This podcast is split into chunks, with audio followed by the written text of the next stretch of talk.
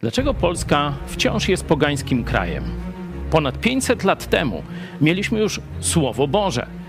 Mieliśmy różnych głębokich myślicieli, chrześcijan, którzy próbowali zmienić Polskę.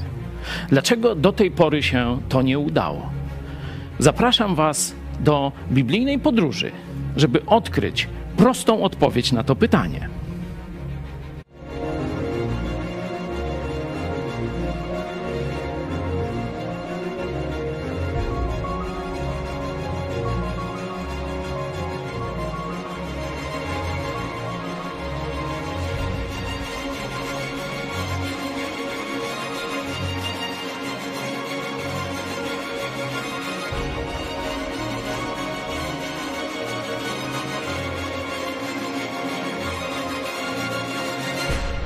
Wina naszej historii, czy to wina naszego narodu, czy może wina naszego Boga? No bo gdzieś, jeśli mamy szukać winnych, dlaczego Polska jest nadal pogańskim krajem? To większość ludzi gdzieś szuka odpowiedzi, że jesteśmy jakimś dziwnym narodem, trudnym, że mamy trudną historię. No, niewielu powie, że chyba Bóg o nas zapomniał, no bo to byłoby obciążanie Boga winą za nasz stan. Ja chciałem Was poprowadzić przez prostą biblijną drogę odpowiedzi na to pytanie. Najpierw pierwsza, pierwsza teza, pierwsza obserwacja, no skąd się bierze wiara człowieka, czyli no, wiara człowieków, czyli narodu. To apostoł Paweł w liście do Rzymian bardzo jasno przedstawia, że wiara nie jest y, jakimś takim, jakby to powiedzieć, czynnikiem, czy, czy takim stanem, który niezależnie od naszej woli się pojawia, niezależnie od jakichś ludzkich działań się nagle tak pojawia lub się nie pojawia. Nie?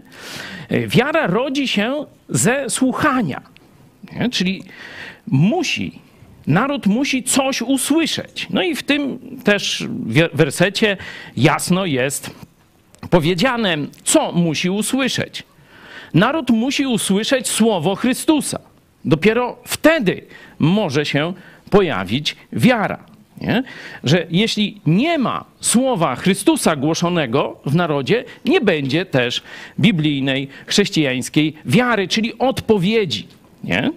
No, mamy tu ewidentnie, no, można powiedzieć, dwa czynniki. Zresztą następny czynnik boski, słowo jest Chrystusa, ale kto go głosi, kto go słucha? No ludzie. W następnym wersecie mamy zaraz, e, zobaczcie, szerszy kontekst tego, tego wersetu możemy przeczytać, że e, ta wiara chodzi o zbawczą wiarę, nie jakąkolwiek wiarę, czy tam wiecie, w istnienie Boga, czy że e, tam no, Bóg działa i tak dalej. Nie, tu chodzi o zbawienie.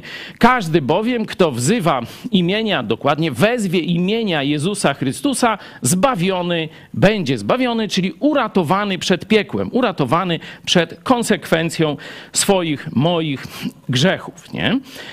No ale jest pytanie, jak mają wzywać tego, w którego nie uwierzyli? Uwierzenie musi być w Jezusa Chrystusa, nie ogólnie w Boga, nie w siłę nadprzyrodzoną, tylko wiara, ta biblijna, o którą chodzi w Biblii, to jest wiara w osobę Jezusa Chrystusa. Jak mają uwierzyć tego, o którym nie słyszeli? A jak mają usłyszeć? A jak usłyszeć, jeśli nie ma tego, który zwiastuje? Zobaczcie, potrzebny jest człowiek. Potrzebny jest ten, który zwiastuje. Nie? Tu już mamy, można powiedzieć, prosty zręb odpowiedzi na to pytanie. I oczywiście dalej apostoł Paweł mówi, że nie wszyscy uwierzyli, że głos się rozległ po całym Izraelu, bo tu jest w kontekście Izraela, ale nie wszyscy uwierzyli zwiastowaniu. No i teraz pytanie, jakie jest wasze doświadczenie? Ilu Polaków miało możliwość usłyszeć Ewangelię o darmowym zbawieniu w Chrystusie? Oczywiście część mogła odrzucić, część mogła przyjąć, ale ilu Polaków miało szansę usłyszeć przekaz, osobisty przekaz od kogoś, kto zwiastuje, od kogoś, kto głosi? Oszacujcie. Macie doświadczenie swoje w rodzinach, macie doświadczenie w zakładach pracy, na uczelniach, w szkołach. Ilu ludzi z waszych znajomych usłyszało osobiście Ewangelię? Jaki procent?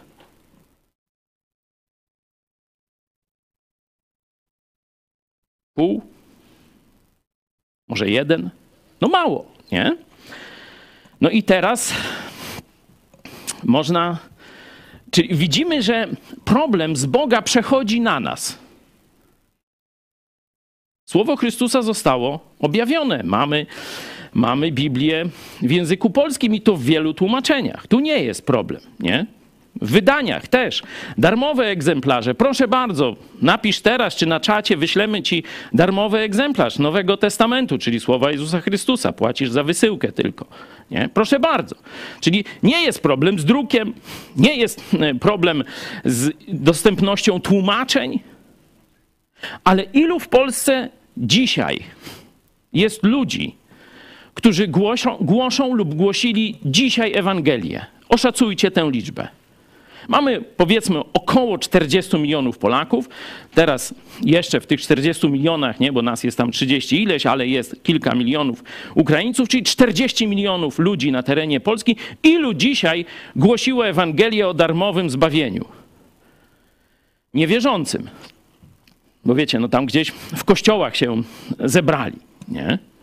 My tu głosimy niewierzącym i wierzącym, bo oglądają nas niewierzący. Witamy Was bardzo serdecznie, cieszymy się, że jesteście z nami, ale większość to ludzie wierzący, czyli którzy już usłyszeli i odpowiedzieli, albo, że tak powiem, są blisko tej decyzji. Ilu ludzi w Polsce dzisiaj, niedziela, nie? pogoda, no taka mniej więcej średnia, ilu ludzi głosiło Ewangelię? No wiem, że w Lublinie z naszej grupy o 12 mamy te spotkania pod chmurką, dzisiaj dosłownie, nie? no bo trochę było zachmurzone niebo, ale słyszałem, że siedem nowych osób przyszło, także chwała Bogu, cieszę się bardzo, że ta akcja się rozwija, ale ilu Ilu takich ludzi było w całej Polsce? Oszacujcie, proszę, wasz głos. Zuma, z czatu.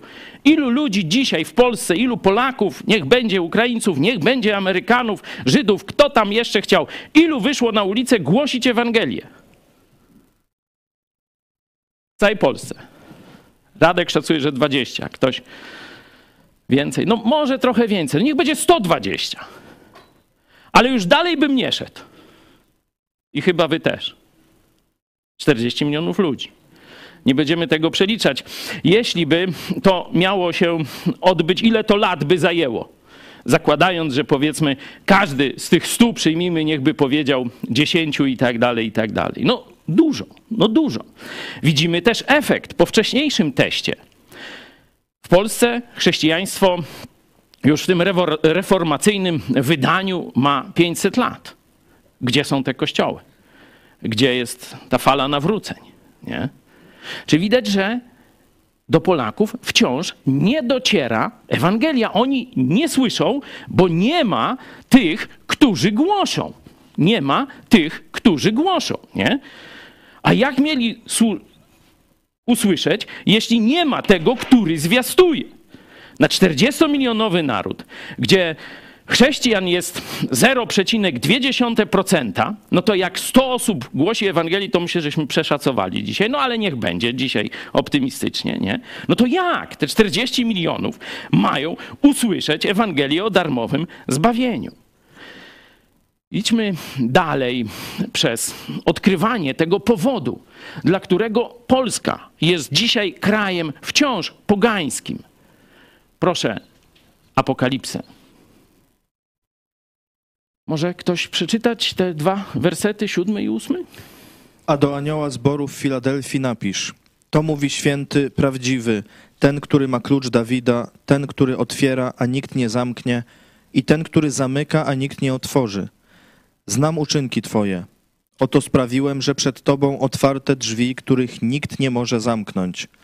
Bo choć niewielką masz moc, jednak zachowałeś moje słowo i nie zaparłeś się mojego imienia. Mamy jeden z kościołów, mamy zjawisko otwarcia i zamknięcia drzwi. Kiedy patrzymy na pojawianie się tej frazy w Nowym Testamencie, to ona zawsze oznacza, przynajmniej w głównej mierze, otwarcie na głoszenie. Apostoł Paweł, kiedy idzie na ewangelizację, kiedy wyrusza na misję, módlcie się, aby Bóg przede mną otworzył drzwi. Nie? W liście do Efezjan, w liście do Kolosan szczególnie o tym mówi. Czyli tu mamy to otwarcie drzwi, to jest otwarcie do służby głoszenia Ewangelii. Nie?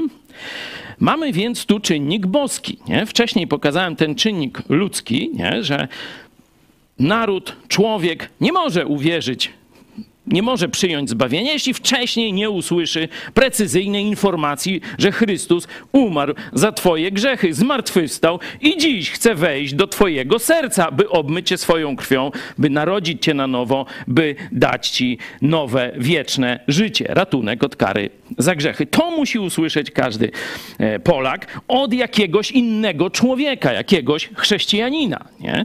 Oczywiście może to być przez internet, może być tam przez druk i tak dalej, ale na najwięcej więcej takich rozmów będzie osobistych, osobistych rozmów, osobistych kontaktów. Nie? Oczywiście mogą być przemówienia do większej liczby, tak jak widzieliśmy, Jezus do tysięcy ludzi, do kilkuset ludzi, ale i pojedyncze czy kilkuosobowe grupki e, też e, no, rozmawiał z nimi, e, też dyskutował, też wchodził w dialog i im też głosił informacje o Ewangelii. Czyli mamy ten czynnik ludzki jako oczywisty i mamy tutaj czynnik boski, otwarcie drzwi, tu Jezus mówi, że On to robi. Oczywiście jest to coś więcej niż praca Ducha Świętego, który działa w każdym człowieku, niezależnie od tego, co się dzieje na świecie. To jest obietnica jasna, że kiedy Duch Święty przyjdzie, przekona świat, czyli każdego człowieka, będzie przekonywał o grzechu, o jego grzechu, o sprawiedliwości i o sądzie. Ten tekst nie mówi o tym. Mówi o jakimś specyficznym, szczególnym działaniu Boga, który powoduje, że ten kościół ma, że tak powiem, eksplozję służby. Nie? Że ludzie słuchają tego kościoła. Nie? Słuchają ludzi z tego kościoła, kiedy oni mówią Ewangelię. Czyli jest to coś szczególnego. Nie będę wnikał, jak to Jezus robi, to jest jego sprawa i on na pewno to będzie robił, ale jest w tym tekście warunek. Zobaczcie. Dlaczego Jezus akurat przed tym kościołem otwiera drzwi do tej służby, a przed innymi nie otwiera?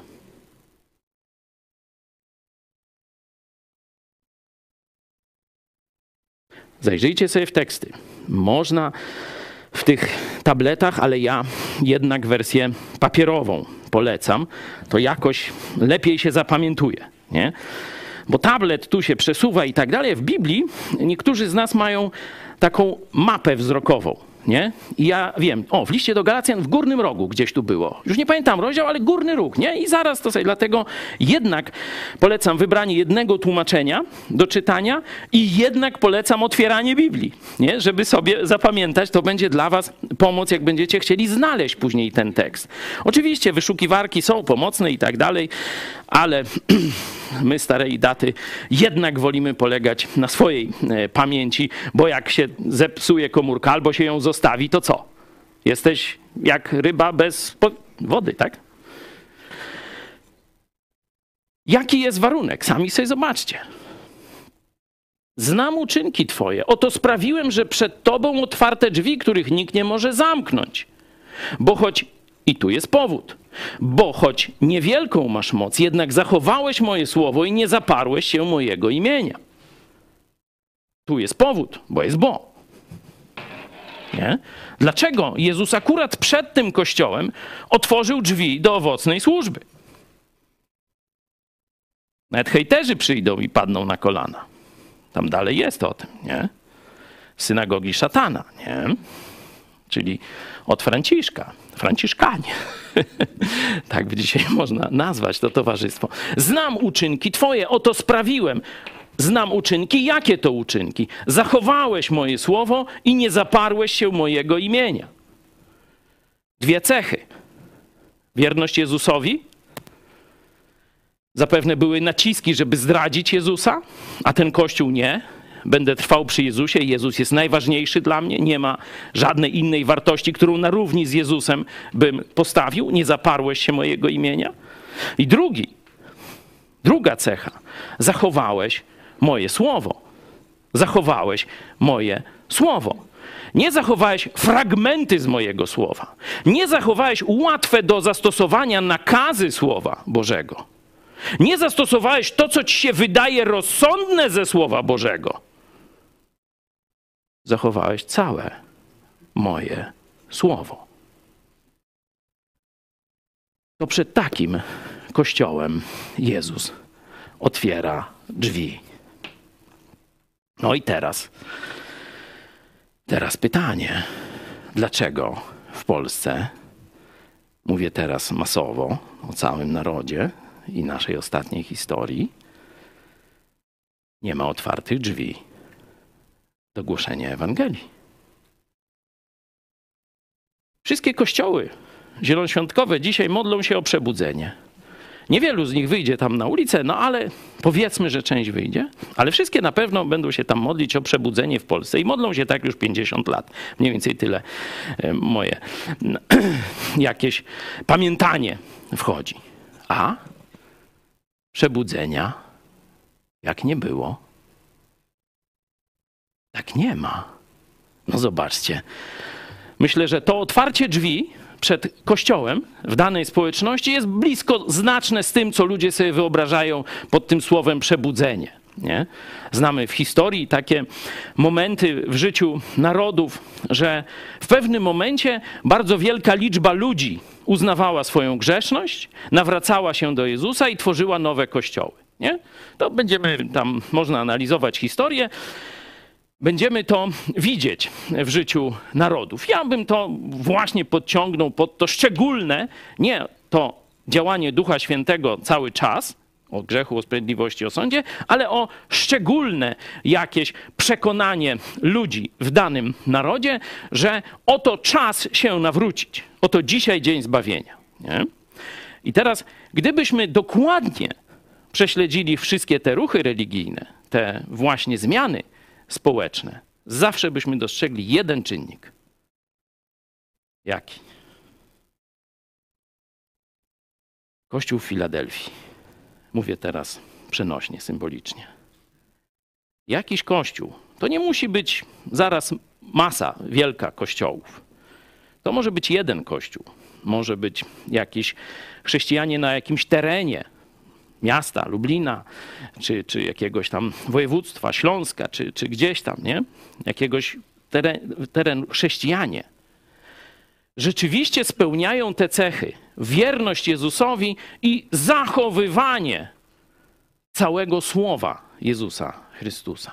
Inaczej mówiąc, przed zmianą narodu, którą nie, nazwijmy otwarciem drzwi albo przebudzeniem, nie chcę się spierać o słowa, musi się pojawić święty Kościół.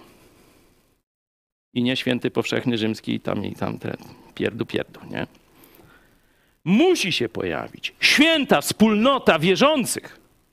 Dopiero przed tą świętą, czyli oddzieloną od zła, a trwającą, stojącą przy Jezusie, wspólnotą Bóg otworzy drzwi. Nie zaparłeś się mojego imienia, zachowałeś moje słowo i widać to w Twoich czynach, które ja oceniam. Niektóre ludzie z zewnątrz oceniają. Mówi to jasno Biblia, mówi to jasno historia. Przed zmianą narodu musi się w nim pojawić święty Kościół, żyjący blisko z Jezusem, wierny całemu Jego słowu. Jeśli takiego kościoła nie ma, czy takich kościołów nie ma? Nie ma przebudzenia, nie ma otwarcia drzwi, kraj żyje w ciemności, kraj żyje w pogaństwie. Dalej. Proste? Trzeba tu jakieś. Trzeba mieć doktorat z misjologii? Poznałem niedawno. Doktora misjologii, który dwa kościoły zmarnował. Ale ma doktorat. Będzie wykładał. Czy to nie jest proste? Dla mnie to jest czytelne, wiecie, to nie ma o czym deliberować. To jest proste jak dwa razy dwa. to i murarz, tynkarz, zbrojarz, betoniarz, elektryk, profesor, sprzątaczka, kelnerka. Każdy to może zrozumieć, czyż nie? Czy macie jakiś problem ze zrozumieniem tych tekstów biblijnych? Ma ktoś? No niech się zgłosi. Czego tu nie rozumiecie? Otworzyłem drzwi, bo choć jesteś niewielki, ale zachowałeś moje słowo i nie zaparłeś się mojego imienia.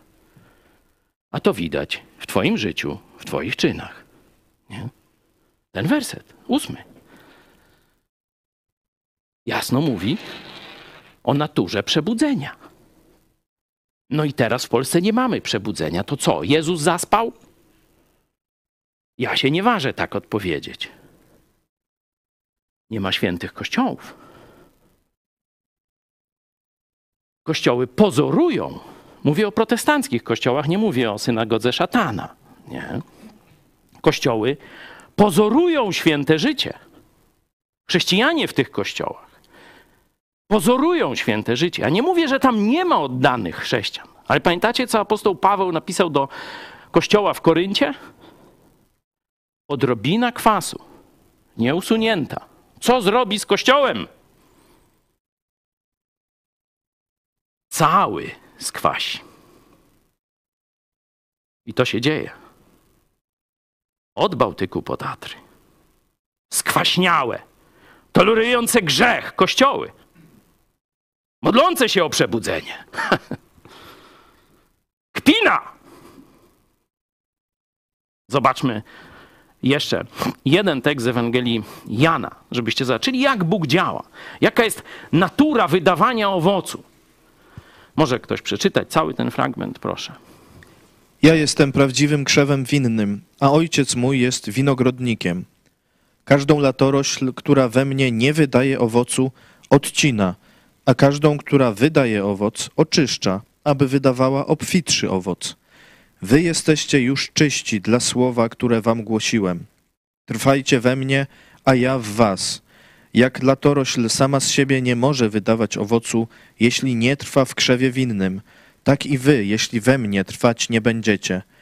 Ja jestem krzewem winnym, wy jesteście latoroślami. Kto trwa we mnie, a ja w nim, ten wydaje wiele owocu bo beze mnie nic uczynić nie możecie.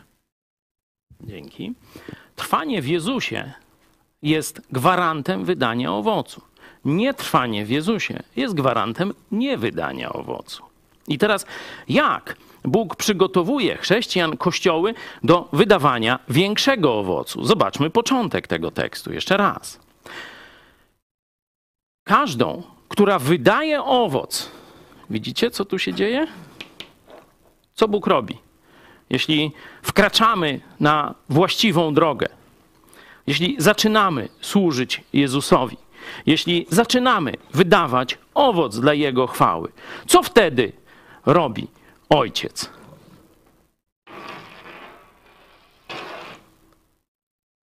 Macie tam swoje Biblię? Podkreślcie to sobie. Tego potrzebujemy.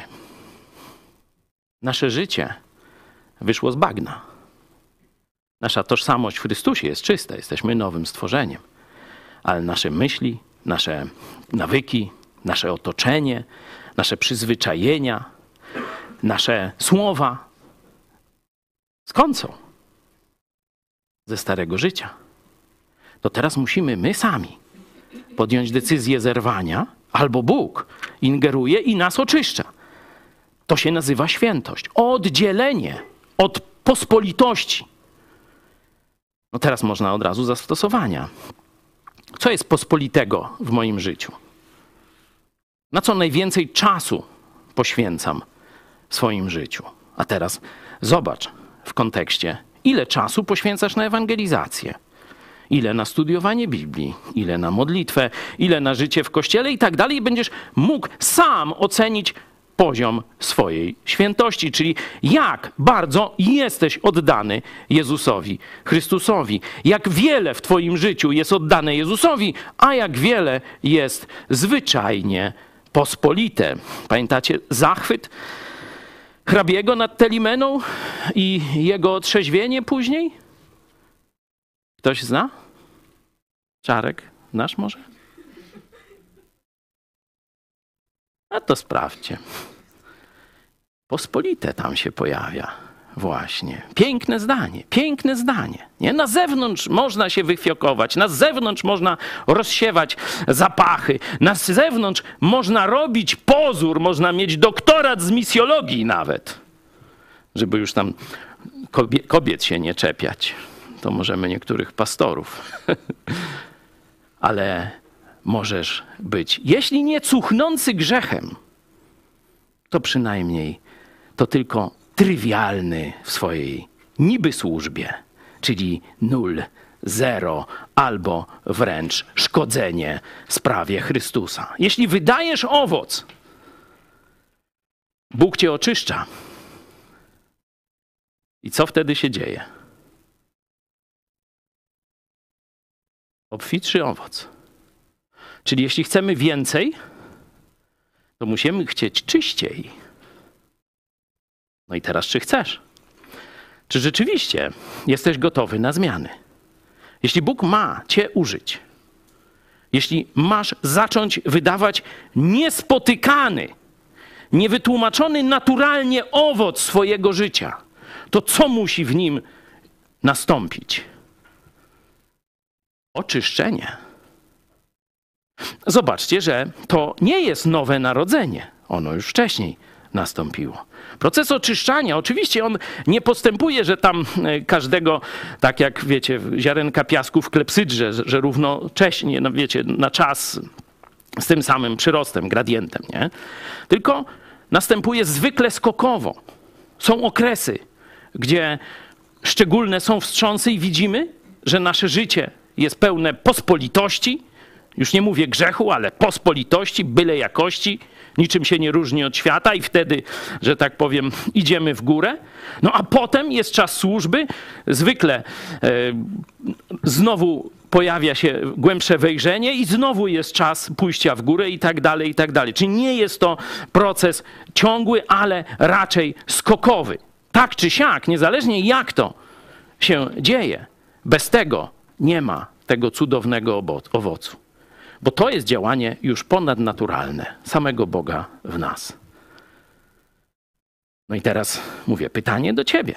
Czy chcesz tego oczyszczenia? Czy chcesz tkwić w przeciętności? Czy chcesz tkwić w byle jakości? Czy chcesz tkwić w, we flircie z grzechem? Bo gdzieś już sobie no, pewne rzeczy wyrzuciłeś ze swojego życia, a pewne dalej hodujesz. Jeśli tak będziesz robił, jeśli ja tak będę robił, nie będzie żadnego rozwoju, nie będzie wydawania tego właśnie obfitego owocu, o którym mówi tutaj Jezus. No a teraz wróćmy na podwórko oceny polskiego chrześcijaństwa protestanckiego. Co możemy powiedzieć o historii polskiego chrześcijaństwa? Piotr Setkowicz w miesięczniku Idź pod prąd, niebawem wydamy książkę na ten temat, zatytułował historię polskiego chrześcijaństwa dość, no tak, jakby to powiedzieć, niepochlebnie. Pamiętacie? Ktoś czyta miesięcznik Idź pod prąd? Słomiany ogień. Słomiany ogień. Rzeczywiście, Polska była gotowa na idee biblijne, na idee reformacyjne. Ale już z jakich przyczyn czy głodu duchowego, czy mieli dość, byli wkurzeni na Kościół. No, zdaje się, że to drugie. Mieli dość biskupów, mieli dość prałatów, mieli dość chciwych, cudzołożnych proboszczów. Ale czy chcieli świętości w swoim życiu? Czy chcieli prawdziwej zmiany? Test przyszedł szybko. No dobra, jesteśmy już w dużej części protestanckim krajem, ale nie mamy nowego tłumaczenia Biblii. No to po, konieczne jest. Niemcy mają, tamci gdzieś coś. Noż to i my musimy mieć, nie? Angielski ten naród też ma. I to jeszcze wcześniejsze, nie?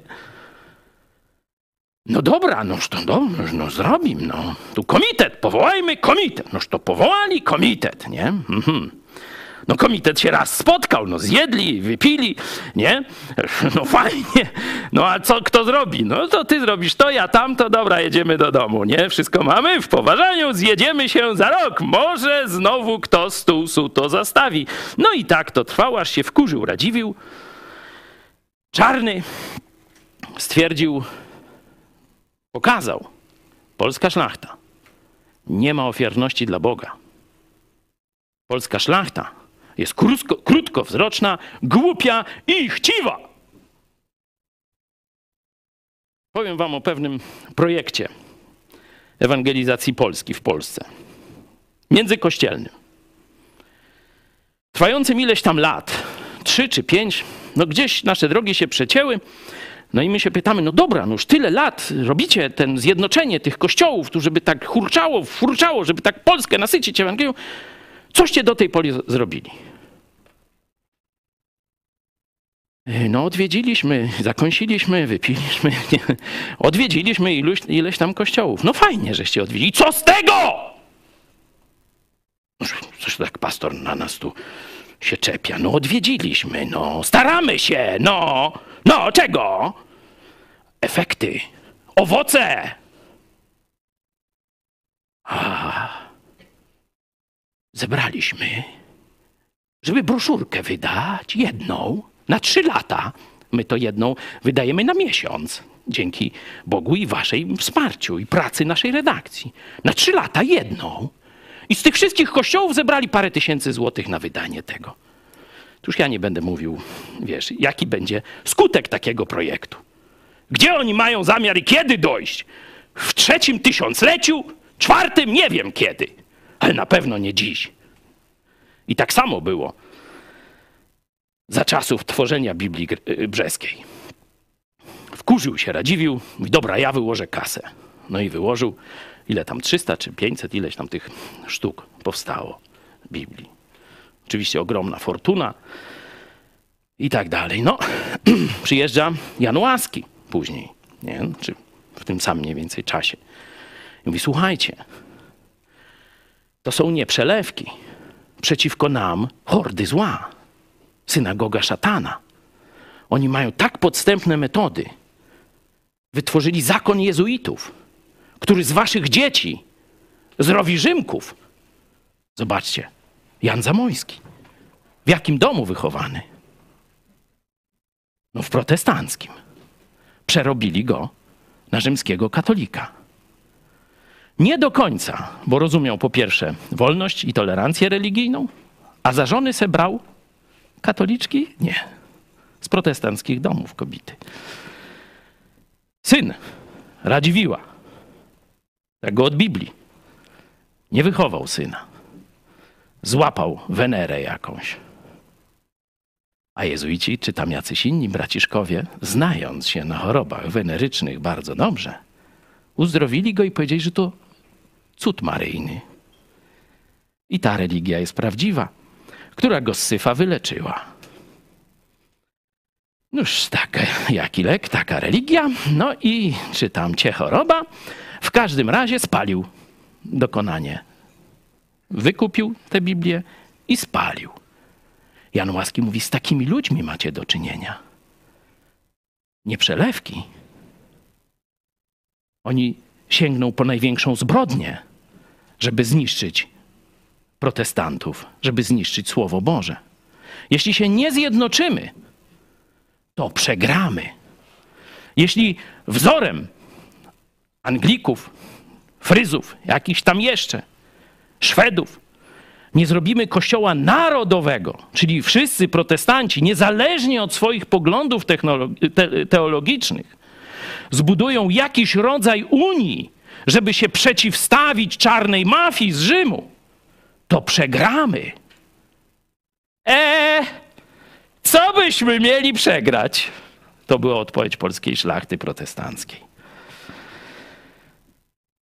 No a teraz przejdźmy do Jakuba. Czwarty rozdział, proszę. Wiarołomni, czy nie wiecie, że przyjaźń ze światem to wrogość wobec Boga? Jeśli więc kto chce być przyjacielem świata, staje się nieprzyjacielem Boga. Wcześniej, zaraz przeczytamy kontekst, jest opis życia religijnego. Tutaj jest mowa o złamaniu wiary. Nie, nie nieposiadaniu wiary, tylko o zdradzie. Wiarołomni. Na czym polega według Jakuba zdrada Chrystusa? Proszę.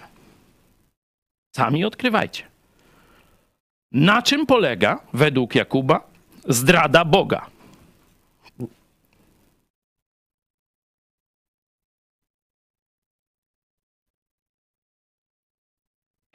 Fileo, świat. Lubię świat. Świat to jest życie bez Boga, życie lekceważące Boga. Tam jest zarówno bunt otwarty, jak też i tumiwisizm, obojętność na Boga. Lekceważenie Jego norm, lekceważenie Jego świętości. Nie? No i teraz, jeśli chrześcijanie przyjmują ten model życia, czyli lubią to, co jest, co im się podoba w świecie, ale co nie jest z Boga, co się Bogu nie podoba. Czyli Bogu to się nie podoba, a im się podoba. To jaki będzie tego skutek? Stajesz się nieprzyjacielem Boga. Zobaczcie. Jakieś błogosławieństwo? Jakieś otwarte drzwi? Jakieś przebudzenie? Chcecie widzieć? Znaczy, ktoś w ogóle podejrzewa, że w takim kościele, który się przyjaźni ze światem, wśród takich chrześcijan będą jakieś tego typu symptomy, wydawanie większego owocu, cuda, wianki i tak dalej? Nic nie będzie. Będzie stagnacja, gnuśność, ewentualnie nadymanie się swoją wielkością, jak w kościele w Laodycei. To to można zobaczyć. Trzeci rozdział Apokalipsy. Przeczytajmy następny werset. Albo czy sądzicie, że na próżno pismo mówi? Zazdrośnie chce on mieć tylko dla siebie ducha, któremu dał w nas mieszkanie. Pamiętasz, jak cieszyłeś się ze zbawienia? Jak cieszyłeś się, że Jezus mieszka w Twoim sercu? Masz Ducha Świętego? No to teraz masz też instrukcję obsługi. Dla kogo jest ten Duch Święty w nas? No powiemy tak dość prosto, no dla Boga, nie? No nie, to nie jest prawidłowa odpowiedź z tego tekstu. Zobaczcie na to określenie. Widzicie? Tylko, tylko dla siebie chce mieć ducha, któremu dał w nas mieszkanie. Przeczytajmy cały ten y, fragment od pierwszego wersetu, żebyście zobaczyli na historię polskiego kościoła protestanckiego i na współczesność. Proszę. Skądże spory i skąd walki między wami? Czy nie pochodzą one z namiętności waszych, które toczą bój w członkach waszych? Pożądacie, a nie macie. Zabijacie i zazdrościcie, a nie możecie osiągnąć. Walczycie i spory prowadzicie. Nie macie, bo nie prosicie. Prosicie, a nie otrzymujecie, dlatego że źle prosicie, zamyślając to zużyć na zaspokojenie swoich namiętności. Wiarołomni, czy nie wiecie, że przyjaźń ze światem to wrogość wobec Boga? Jeśli więc kto chce być przyjacielem świata, staje się nieprzyjacielem Boga. Albo czy sądzicie, że na próżno pismo mówi, zazdrośnie chce on mieć tylko dla siebie ducha, któremu dał w nas mieszkanie? Owszem, większą jeszcze okazuje łaskę, gdyż mówi, Bóg się pysznym przeciwstawia, a pokornym łaskę daje. Przeto poddajcie się Bogu, przeciwstawcie się diabłu, a ucieknie od was. Zbliżcie się do Boga, a zbliży się do was. Obmyjcie ręce grzesznicy i oczyśćcie serca ludzie o rozdwojonej duszy. Biadajcie i smućcie się i płaczcie. Śmiech wasz niech się w żałość obróci, a radość w przygnębienie. Uniszcie się przed Panem, a wywyższy was. I jeszcze na dokładkę apostoła Pawła, żebyście zobaczyli, że tu absolutnie nie ma żadnego napięcia między Pawłem czy Jakubem. Pierwszy list do Koryntian, trzeci rozdział. I ja, bracia, nie mogłem mówić do was jako do duchowych, lecz jako do cielesnych, jako do niemowląt w Chrystusie. Poiłem was mlekiem, nie stałym pokarmem, bo jeszcze go przyjąć nie mogliście, a i teraz jeszcze nie możecie. Jeszcze bowiem cieleśni jesteście. Bo skoro między wami jest zazdrość i kłótnia, to czyż cieleśni nie jesteście i czyż na sposób ludzki nie postępujecie? To jest mowa do chrześcijan, mówi do braci. Nie? Mówi, że cały czas mówi im o podstawowych prawdach życia chrześcijańskiego. Praktycznie mówi im Ewangelię, mleko im daje. Nie mogą w ogóle zrozumieć poważniejszego przesłania dla chrześcijan już Pisma Świętego, pokarmu stałego. Mówi, że są cieleśni, nie duchowi, tylko cieleśni i jaki jest tego objaw? kłócą się i zazdroszczą, czyli podsrywają siebie nawzajem. To jest stan Kościoła w Koryncie. No i teraz w tym świetle, oczywiście y, ta cielesność, także w grzechach seksualnych, jak później widzimy z kontekstu, zaraz w piątym rozdziale będzie o tym więcej, na sposób ludzki nie na sposób Boży, tylko na sposób ludzki. Czyli to, co wynieśli ze starego życia, przenieśli teraz do praktyki Kościoła i chlubią się, że mają tyle darów duchowych. No, wróćmy do Jakuba. Jeszcze, może dalej, jeszcze dalej. Widzimy kontekst, że ci ludzie są religijni. Oni nawet się modlą. Nie? ale dwie cechy, które już omówili: przyjaźń ze światem i cudzołóstwo duchowe. Nie dla Boga żyją, albo nie tylko dla Boga. Czyli z jednej strony deklarują, że żyją tylko dla Boga, nie? No bo tam przy wieczerzy to mówią, że tylko Chrystus i nic poza nim i tak dalej, ale rzeczywistość ich życia jest całkowicie pospolita, cielesna i tak dalej. Nie? I mówi, jakie będą tego owoce. Jakbyście sobie przeczytali też szerzej koniec trzeciego rozdziału, pójdźmy do początku czwartego, to zobaczycie tam pewien styl postępowania, który będzie się cechował kłótniami i walkami jakimiś, nie? gniewem, w, wrogością wzajemną, nie umiejętnością współpracy, nie? No bo jak jest wrogość, no to nie ma współpracy. Jak jest wrogość, to nie ma miłości, nie? Nie ma przyjaźni między tymi chrześcijanami. Jest zazdrość, jest zwalczanie siebie nawzajem i tak dalej, i tak dalej. Nie? I teraz zobaczcie, że takie owoce, one nie pochodzą z jakichś lekkich problemów Kościoła. Tu autor mówi, że to są fundamentalne problemy Kościoła. Cudzołóstwo duchowe. Cudzołóstwo duchowe, przyjaźń ze światem i zdradzanie Boga.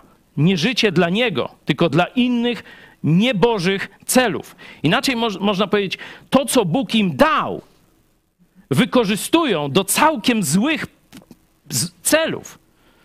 Jak to się może dziać? Jak możemy inaczej wykorzystać ducha? Bo on tam jest, że tylko dla siebie chce mieć, nie? Spróbujcie, no bo jak, musimy, jak mamy to zastosować, to musimy najpierw zrozumieć, jak to się ma stać, że to, co mamy od Boga, Ducha Świętego, z Nim tam wiedzę o Bogu, z Nim poznanie Biblii i tak dalej, i tak dalej, wykorzystamy teraz do złych celów. Jakie praktycznie byście podali, jak, jak to można zrobić, nie? Bo to nie jest niemożliwe chyba, nie? No bo jak Biblia o tym mówi, to chyba można to zrobić, nie? Spróbujmy. Kilka przykładów, żebyśmy zeszli na ziemię z teoretycznego rozważania. No ja nie chcę, żeby dawać ze swojego życia przykłady, nie? Ale spróbujmy teoretycznie wymyśleć, jak można ten werset piąty, pokażmy jeszcze.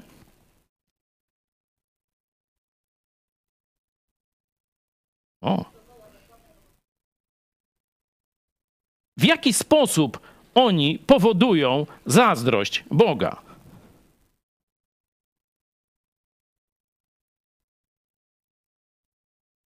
Macie jakiś pomysł? No, oczywiście te wersety są koło siebie, nie?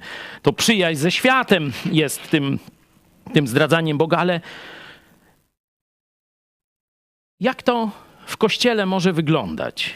Że wykorzystujemy to, co mamy od Boga dla swoich niecnych celów, czy swoich przyziemnych celów. Macie jakieś pomysły? Da się to zrobić? Może ktoś coś widział u kogoś, no ja już tam nie mówię u siebie. No.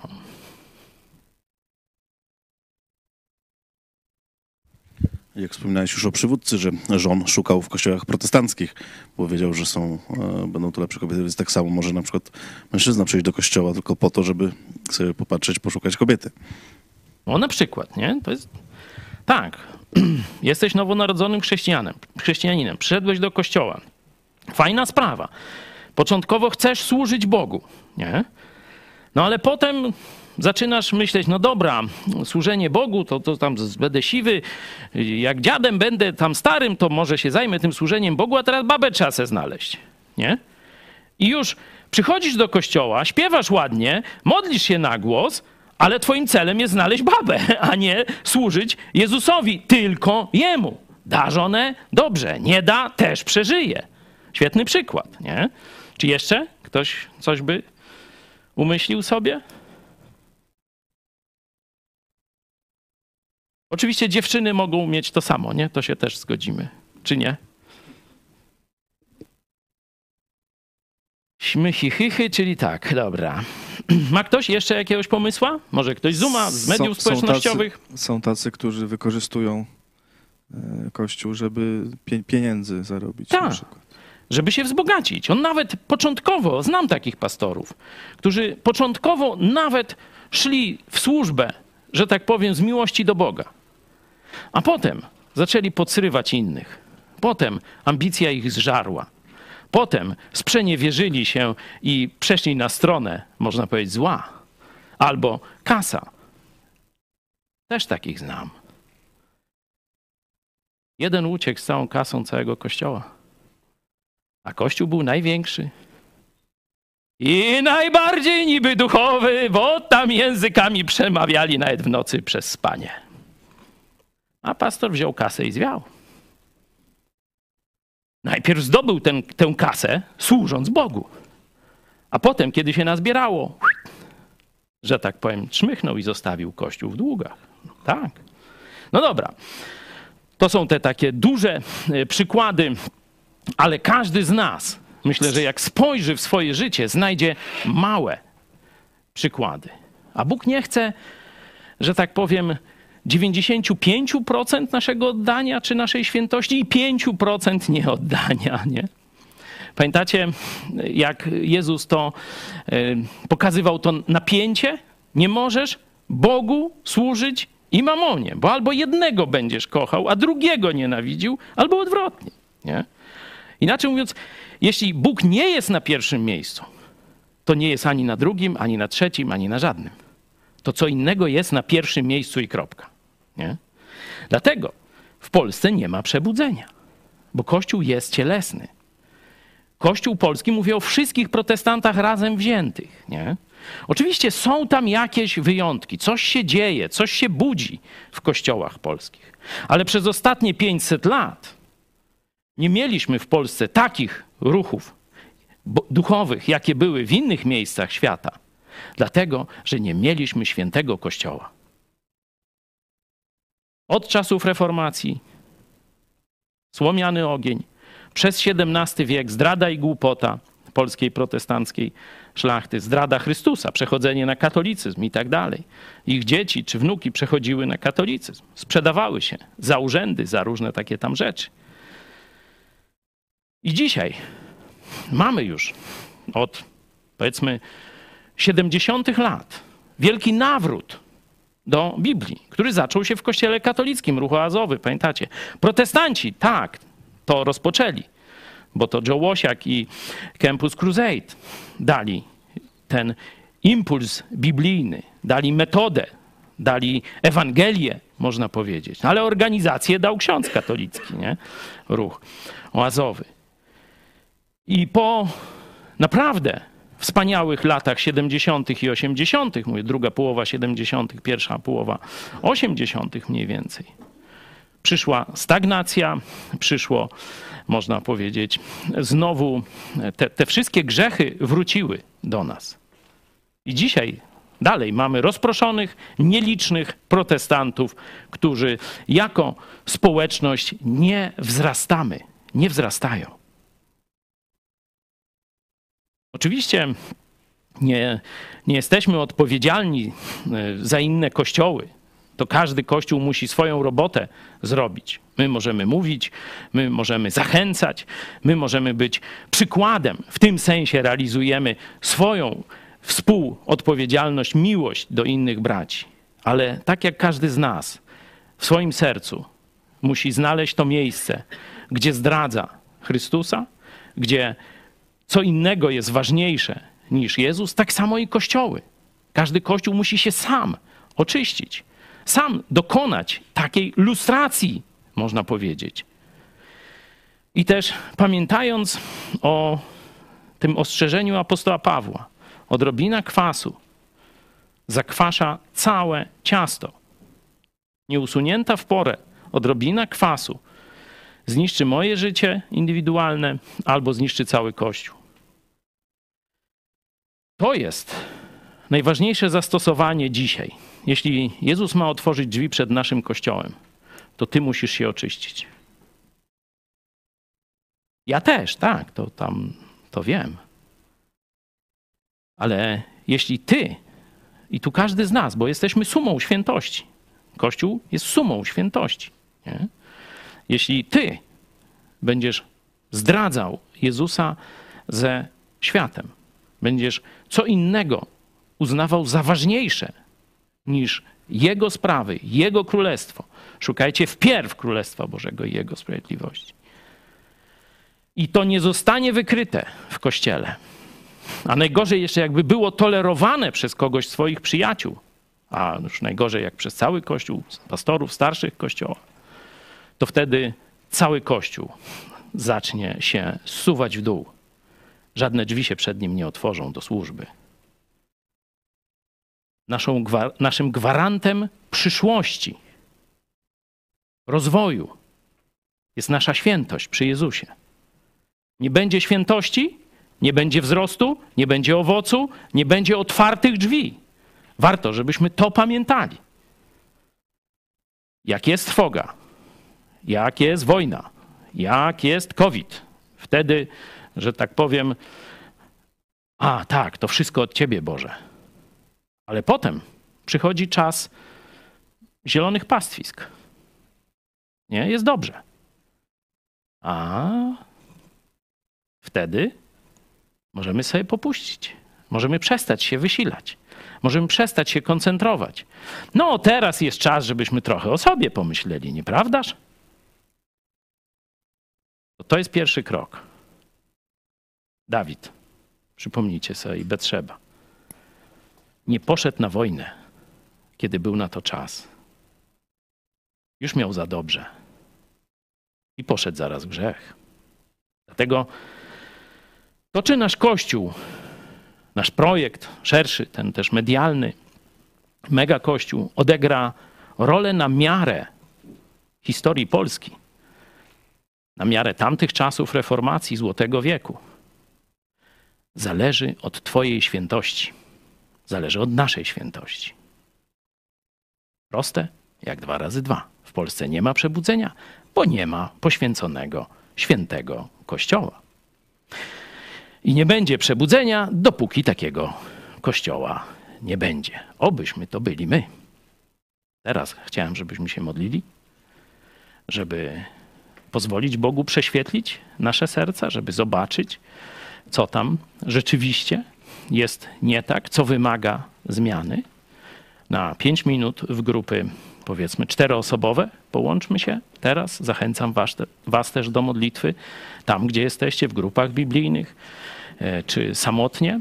A potem będziemy jeszcze śpiewać, a na koniec ciekawe ogłoszenia.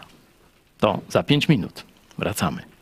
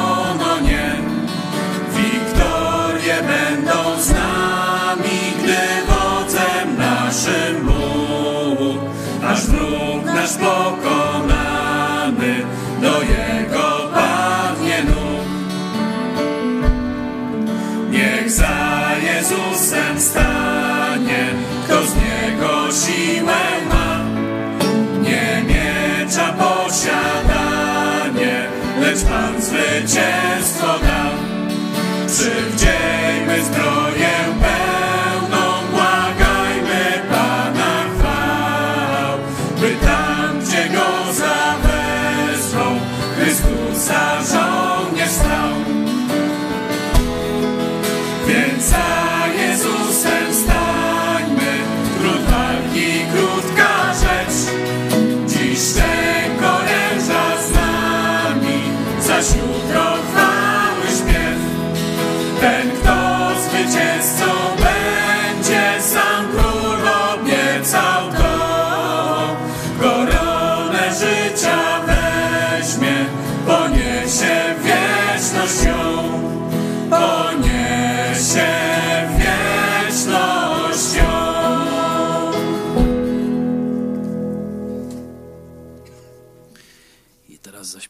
tym, że wiele jest serc, którą, które czekają na Ewangelię.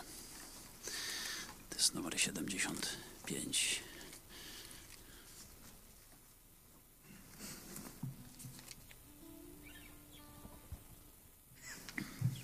Wiele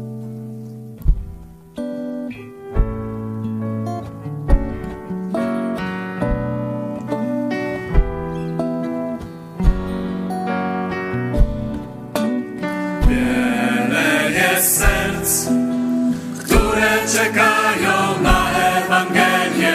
Wiele jest serc, które czekają wciąż. Wiele jest serc, które czekają na Ewangelię. Wiele jest serc, które czekają wciąż. Napełnij serce swoje kosztownym nasieniem, a zobaczysz, że Bóg poprowadzi cię do ludzi, a zobaczysz, że Bóg poprowadzi cię do ludzi.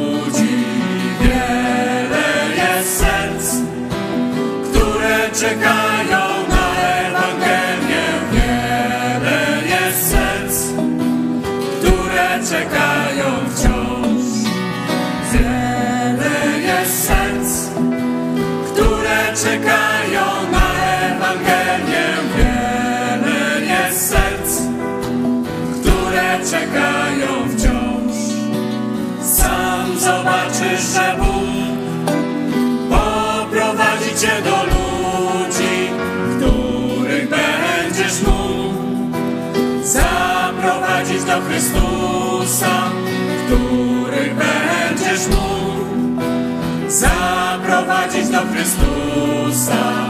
Wiele jest serc, które czekają na Ewangelię.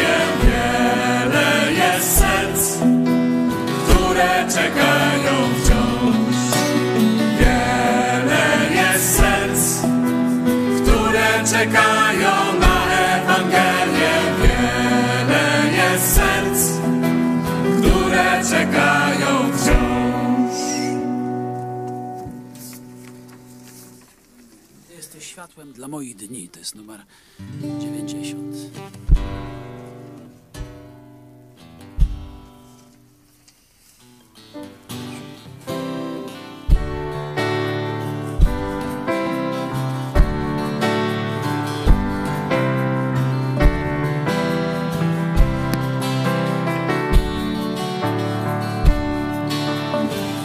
jesteś światłem dla moich dni, pogodnym porankiem bez mgły. Tyś jest światłem nadziei, co rozjaśnia mrok. Z Tobą życie ma tylko sens. Chcę być światłem Twym, ogrzeć ciepłem Twym, podać komuś dłoń. Chcę być światłem Twym, ogrzeć ciepłem Twym, podać komuś dłoń.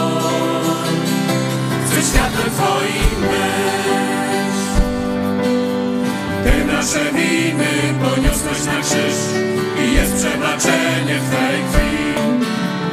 Ból Twoich ran nowe życie nam dał, z Tobą życie ma tylko sens. Chcę być światłem Twym, ogrzeć ciepłem Twym, podać komuś dłoń.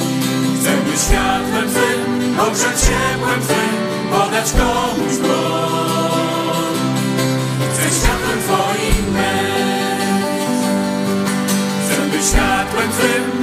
Ciepłem Twym, podać komuś dłoń.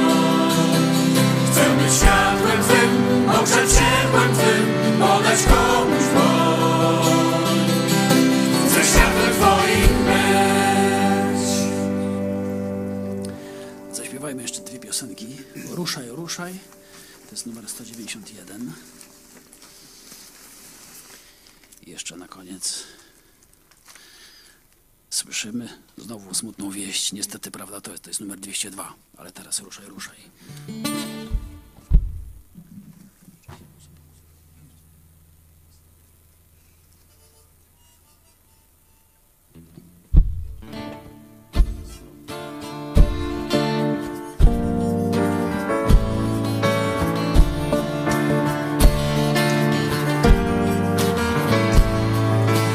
Ruszaj, ruszaj, ruszaj tam, gdzie ziemię obiecaną daje Ci Pan.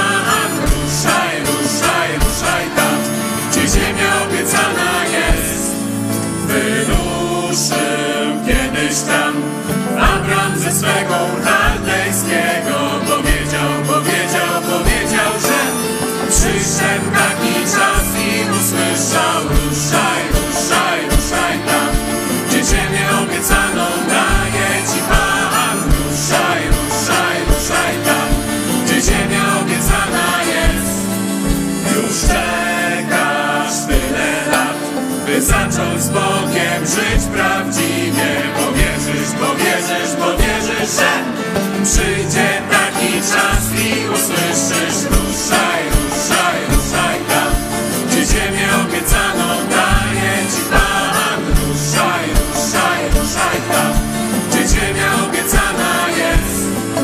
Już tracisz życia sens Masz dość świata ludzi, samego siebie Lecz uwierz, lecz uwierz, lecz uwierz, że Przyszedł taki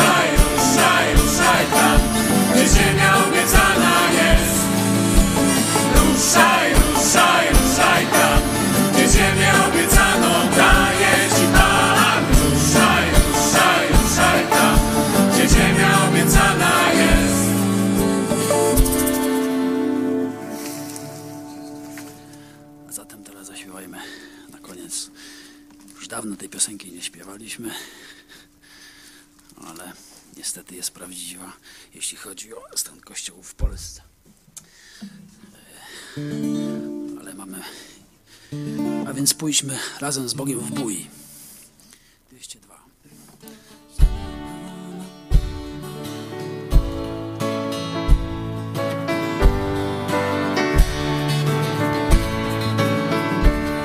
Słyszymy znowu smutną wieść, niestety prawda to Kolejni chrześcijanie pod Rzymu butem są Czym nagle ich omamił bezbożny rzymski tron. Nieważne jest zapadli się z obozu paszą won A my pójdźmy razem z Bogiem bój, co nam pisany tu. Choć ciałem nie walczymy, żołnierski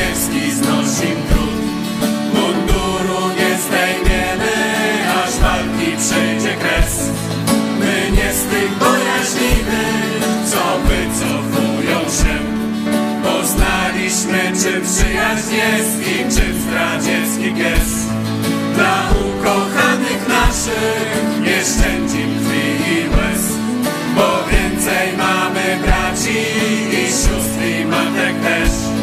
Tak Pan powiedział i jak zawsze wypełniło się. Więc pójdziemy razem z Bogiem bój, co nam pisany tu. Choć ciałem nie walczymy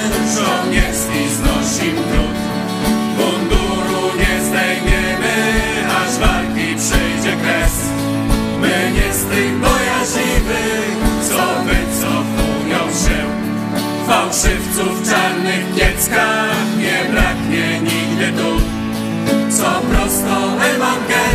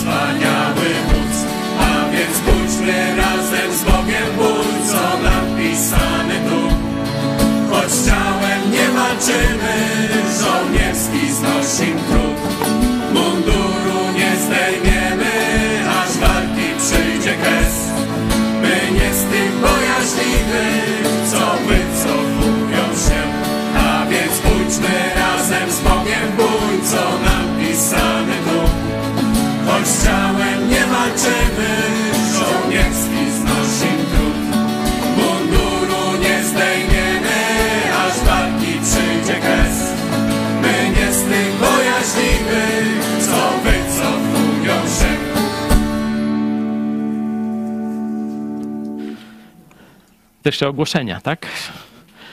Mamy fajne ogłoszenie ewangelizacyjne. Taki zespół o historii pamiętającej Elvisa Presleya. To takiej prehistorii znaczy się.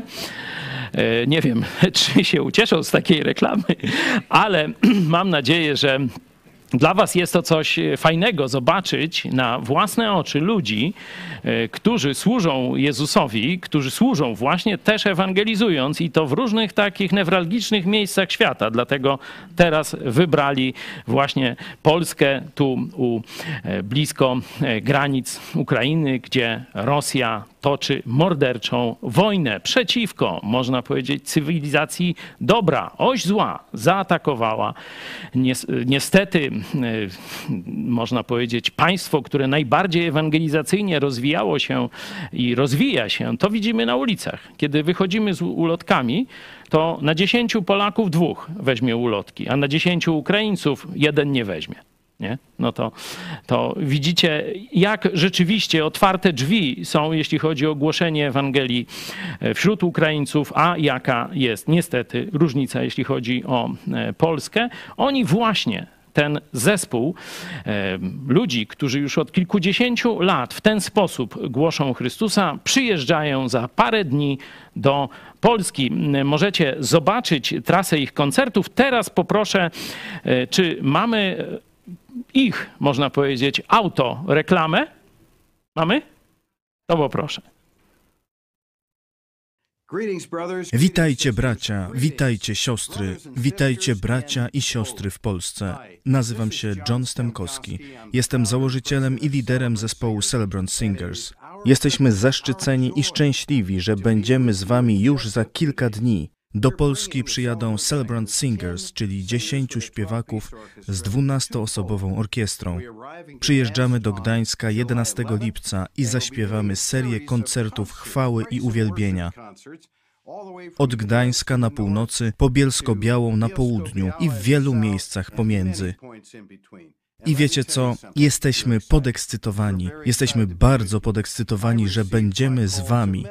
Zdecydowałem się służyć w Polsce w 1975 roku i od tego czasu przez ostatnie 45 lat głosiliśmy miłość Jezusa na całym świecie, ponad 100 krajach.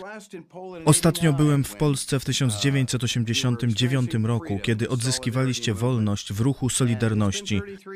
Minęły 33 lata i nie możemy się doczekać powrotu i dzielenia się z Wami miłością Jezusa Chrystusa. Przesyłam Wam te pozdrowienia, aby prosić Was o modlitwę za ten cykl koncertów, który rozpoczyna się w Gdańsku 11 lipca, a kończy w Warszawie 23 lipca i za wszystkie pozostałe miejsca.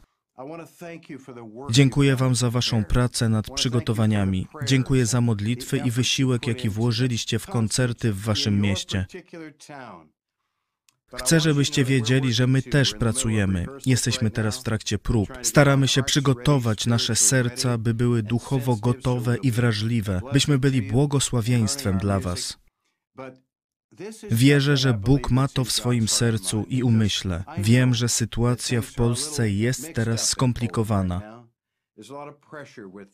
Panuje duże napięcie w związku z uchodźcami, z wojną tuż obok Was w Ukrainie. I właśnie w tym czasie chcemy przynieść Wam miłość, łaskę, pokój, miłosierdzie, pocieszenie i zachętę Pana Jezusa Chrystusa. Dziękuję więc Wam, bracia i siostry z Polski. Bardzo dziękuję. Do zobaczenia za kilka dni. Módlcie się i wierzcie, że Bóg będzie mocno działał pośród nas. Czekamy na spotkanie z Wami. Dziękuję, dziękuję, dziękuję. Z Bogiem. Do zobaczenia za kilka dni. A teraz, jako małą zapowiedź, zagramy dla Was piosenkę. To piosenka idealna na tę okazję. Nazywa się Pieśń dla Narodów i mówi: Chcemy być światłością, lekarstwem, nieść nadziei blask. To są rzeczy, których mamy nadzieję dokonać z Wami w Polsce już za kilka dni. Otwórzcie więc swoje serca i posłuchajcie. Celebrant Singers, Pieśń dla Narodu. Widzimy się w Polsce już za kilka dni. Z Bogiem.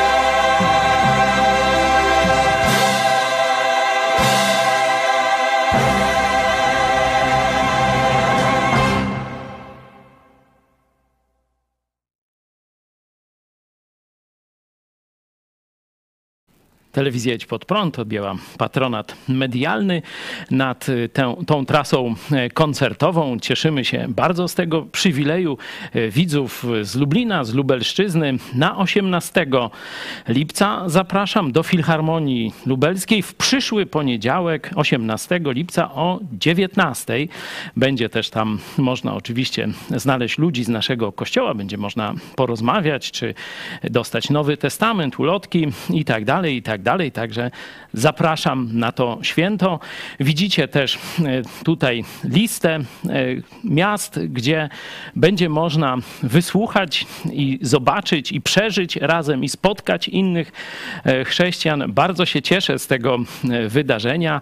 To pokazuje też, jak możemy w ciele Chrystusa sobie nawzajem służyć. Tu to, co dokonaliśmy w tym obszarze mediów, teraz widzicie, że też służy całemu ciału Chrystusa w Polsce. E, to była chyba premiera tego właśnie w polskiej wersji tego klipu reklamowego, oczywiście już z naszym e, tłumaczeniem. E, rozsyłajcie, to już też będzie na naszej stronie, na innych stronach. Niech internet się od tego zagotuje i do zobaczenia w tych różnych miastach od 12 aż do 21 lipca. Też są mniejsze i większe e, miasta, także e, widać, że no, chrześcijanie pojawiają się już w mniejszych miastach w Polsce. To jest nasze marzenie, żeby nie tylko tam Warszawa, powiedzmy Kraków, no Lublin, e, ale też i Terespol, widzicie, też jest. Bardzo pozdrawiamy. Oczywiście też będzie wypad do Czech nie? do naszych braci czeskich, braci Czechów, e, to e, też się cieszymy, że takie polsko-czeskie kontakty tutaj się e, budują przy tej okazji. Na koniec powiem Wam, dlaczego u nas nie ma takiego najmniej przyjemnego elementu spotkań większości kościołów, czyli tacy nie? Bo zwykle, czy to kościół katolicki, czy protestancki, to ktoś tam podejdzie do ciebie z koszyczkiem. Ja się strasznie głupio czuję w takiej sytuacji i powiedziałem, nie, w kościele, który ja prowadzę, nigdy tego nie będzie. I nie było, nie? Poświadczacie?